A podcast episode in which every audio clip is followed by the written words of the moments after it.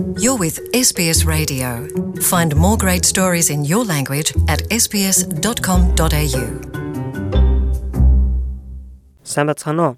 Монголчууд та бүхэндээ энэ өдрийн халуун мэндийг хүргэж байна. 7 өнөг бүр та бүхэндээ хүргэдэг Австрали улсад оршин суух хөтж яхаа ээлж дугаарыг хүрэхэд бэлэн болсон байна. Австрали улсад өөрийн үзэл бодлоо илэрхийлэх нь арчилсан нийгмийн нэг хэсэг юм. Австрали хүн бүр нийгмийг цогцлон бүрдүүлэхэд идэвхтэй оролцох нь иргэний хувьд эрх үүргэн юм а.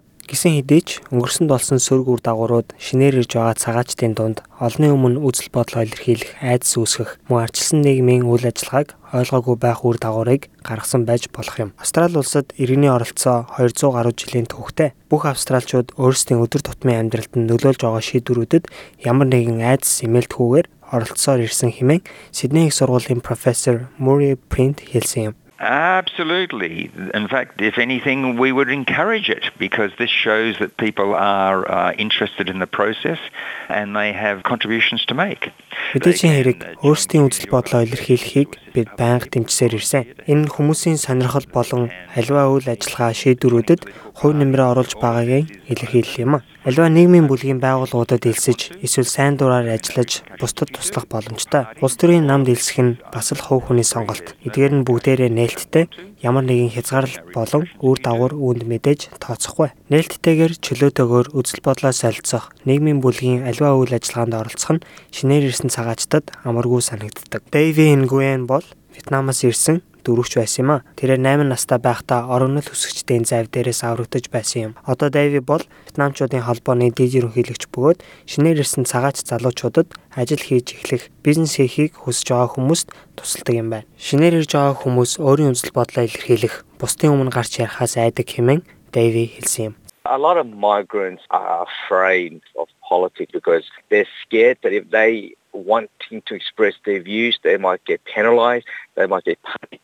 Because these are kind of things that they left behind in their war-torn country. But for now, Цагаачд улс төрөөс маш их яадаг. Ар гертэн дайн байлдаантай байсан бол эдгээр хүмүүс альва зүйлийг хийвэл шийдгэлд орж магадгүй гэсэн айдастай байдаг. Харин одоо бол тэдгээр хүмүүс Австрали улсад байна. Австрали улсад бид зүү зүү рүү зааж өгч нэг нэгэндээ тусалдаг гэдгийг цагаачилж ирж байгаа шинэ хүмүүст ойлгуулах хэрэгтэй. Залуу цагаачдын хувьд өөрсдийн үзэл бодлоо илэрхийлэх нь илүү сонирхолтой байгаа хэмээн Дэви нэмж хэллээ. A lot of the old school thinking is that especially from Asian background a lot of parents don't want their kids to go into politics. They just think that politics is not that great for a, a career.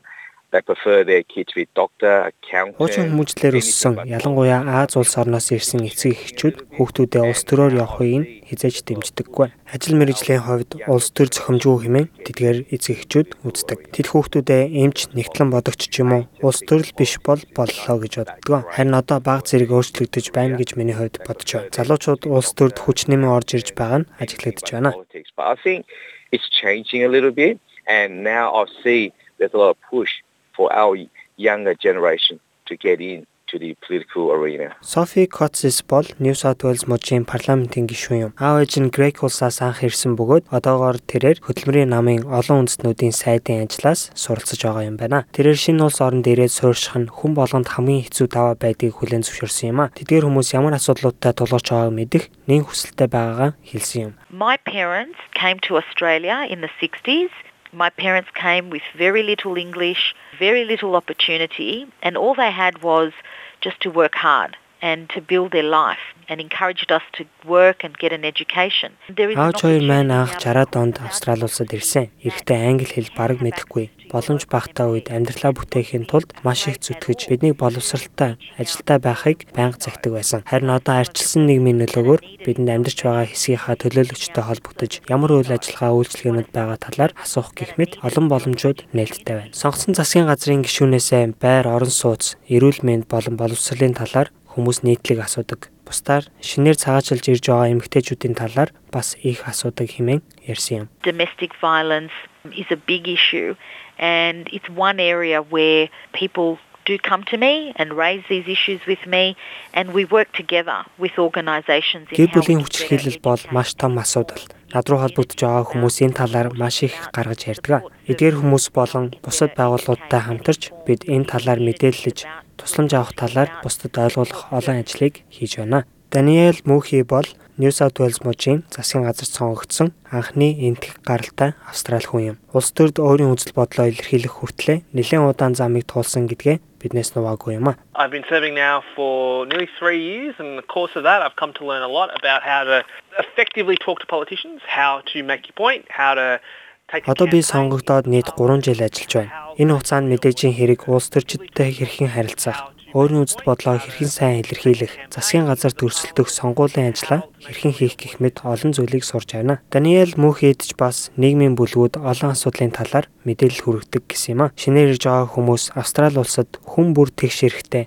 хэр удаан амьдарсан ямар улс төрчтэй хамтарч ажилладгаас үл хамааран хүн бүрт адил тэгш ирэх бий гэлээ. Шинээр ирж байгаа хүмүүс Австрали улсад хүн бүр тэгш ирэхтэй хэр удаан амьдарсан ямар улс төрчтэй хамт ажилладгаас үл хамааран хүн бүрт адил тэгш ирэх бий хэмээн тэрээр ярьсан юм. So this morning for example I had a group come and see me wanting to talk about affordable power and uh, what it means to have your electricity bills rising, particularly if you are a new migrant who aren't used to being able to shop around. Өнөөдөр өглөө жишээлбэл хэсэг хүмүүс надтай уулзаад тог цахилгааны үнийн өсөлт тэдэнд хэрхэн нөлөөлж байгааг ярьж байсан юм. Ялангуяа шинээр ирсэн бол алийг нь гэж сонгох боломж бараг байдаггүй. Энэ 7 хоногийн сүүлээр бас хэсэг эцэг эхчүүдтэй уулзна. Хөдөлмөрийн чадваргүй хүүхдүүдийн боловсрал, тэдний эргэтгэж байдал, бусадтай ижил тэгш харилцах талаар тэднэртэй ярилцах юм а. Өөрийнхөө үзэл бодлыг илэрхийлэх нь зөвхөн сонгогдсон засгийн газрын гишүүдтэйгээ ярих биш юм а. Профессор Murray Print хэлэхдээ шинээр ирж байгаа хүмүүс засгийн газрын аль хэсэгт хандах ямар хүнтэй асуудлаа яриха зөв сонгох хэрэгтэй гэж хэлсэн юм. You need to know that state parliaments deal with certain things and federal parliaments deal with certain other things.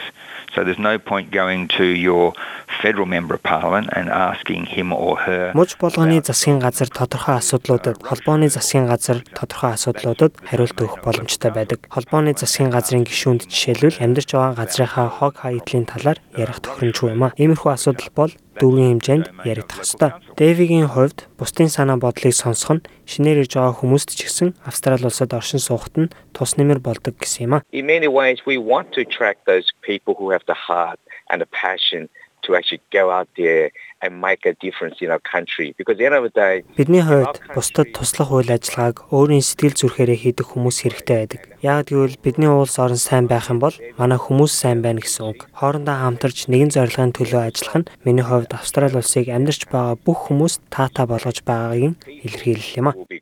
And the whole overall uh, harmonious of everyone working together to achieve that goal, then to me, the end result would be that Australia is a better country for everyone. Энэхүү дугаар маань та бүхэнд таалагдсан гэж найдаж байна. Дараагийн дугаараар тунадахгүй уулзцаая.